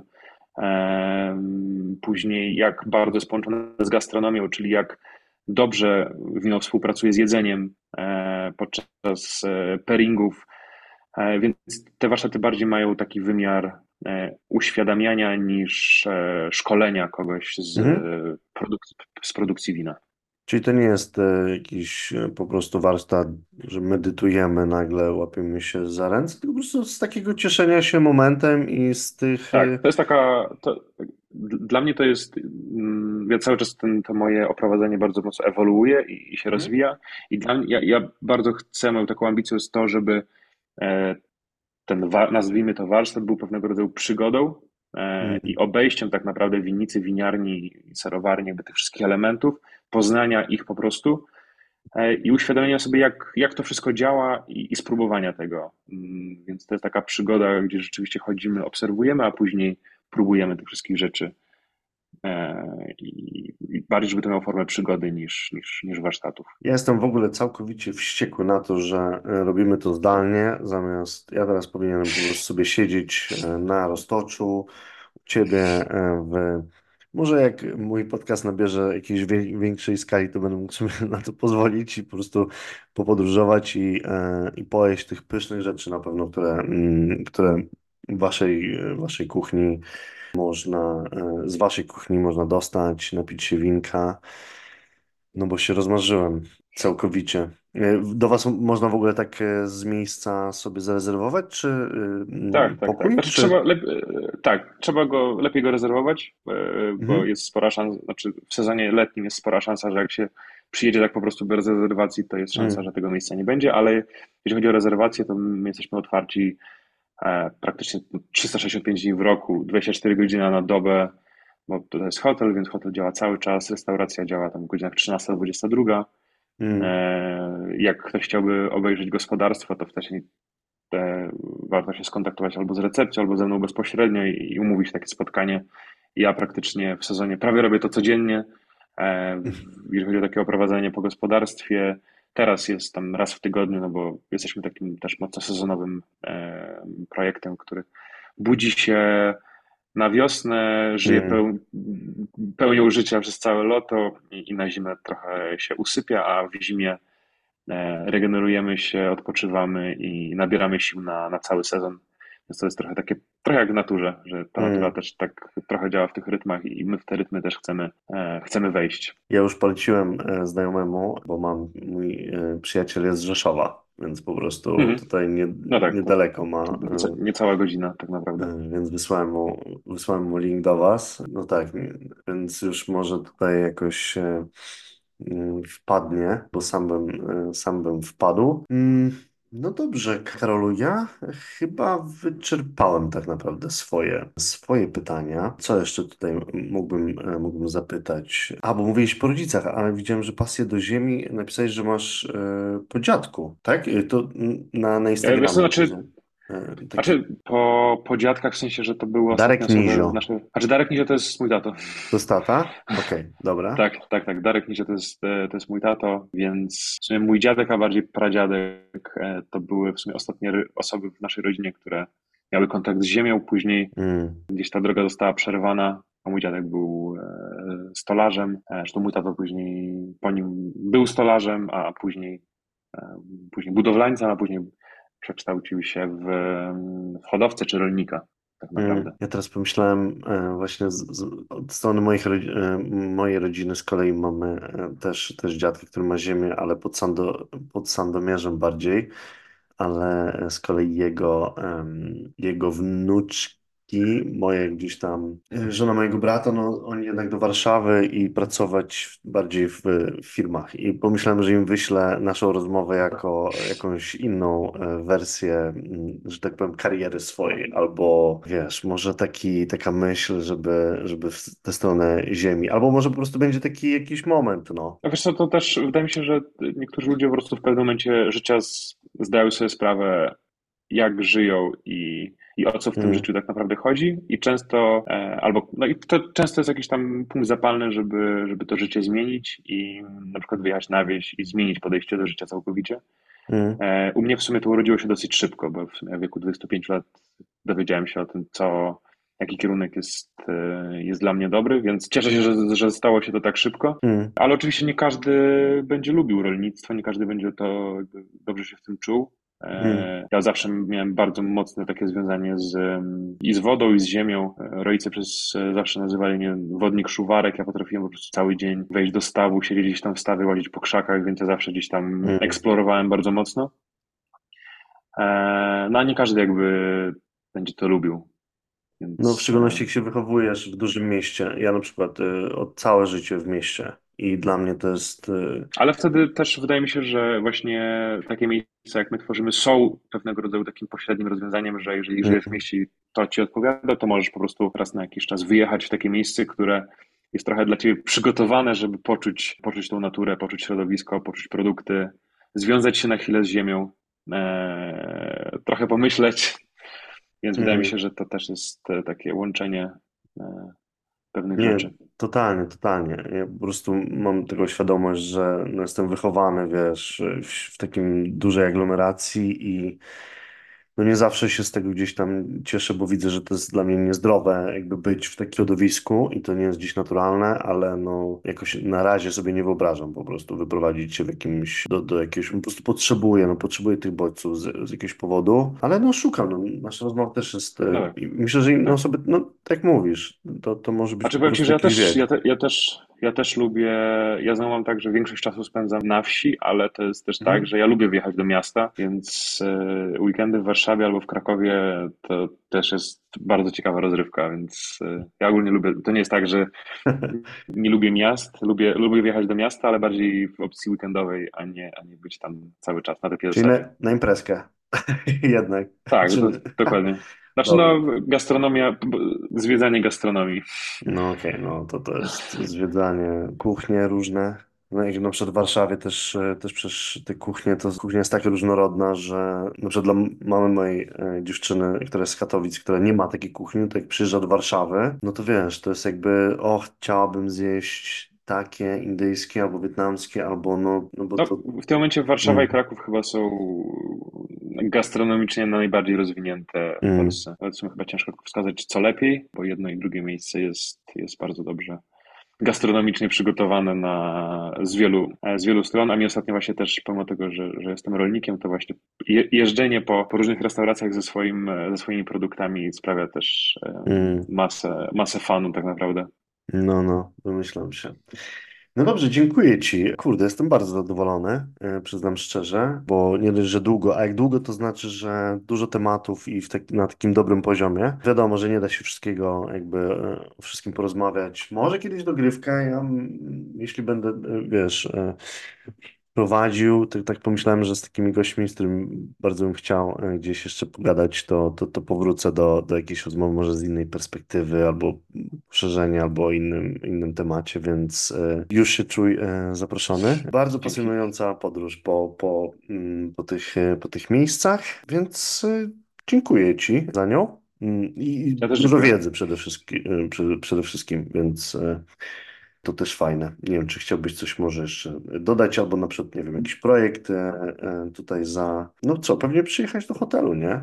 Co tutaj? Tak. No do myślę, że przyjechać, e, przyjechać do, do dworku, poznać produkty Ninja Naturals. Zresztą je można też, jak, jak ktoś z naszych słuchaczy będzie albo z Krakowa, albo z Warszawy, albo z Wrocławia, to, to też w e, wielu restauracjach może, na, może spróbować te produkty. Mm, A tak czy inaczej, no też rozpoczynamy nasz nowy projekt w sumie w najbliższym czasie, czyli jedna rzecz to jest praca nad obecnymi pro, y, produktami, ale również nasz projekt y, od przyszłego roku stanie się pewnego rodzaju ekowioską, więc mhm, e, właśnie na naszej farmie budujemy zespół takich e, domków w budownictwie ekologicznym, gdzie będzie można mm, przyjechać i tam już dosłownie żyć już tak bezpośrednio na farmie dosłownie i, mm. i korzystać z tych produktów. Więc to jest projekt, który będzie e, już zaczyna wszedł fazę- projektową, faza realizacyjna będzie pod koniec roku i, i, i w 20, wiosna 25 otwarcie, otwarcie projektu. Więc też Czy, będzie czyli jak ktoś chce rzucić wszystko i udać się do Roztocza, to jest taka e, szansa. Tak, jak najbardziej. Dobra, to jak, jak usłyszę, że ktoś już jest e, po prostu wypalony em, życiem, życiem, życiem wielkomiejskim albo jakimś innym, to, to, to, to dam cynk. Dziękuję bardzo i życzę Ci miłego dzionka w takim razie. Też dzięki. Do usłyszenia. Cześć. Cześć, cześć, trzymaj się.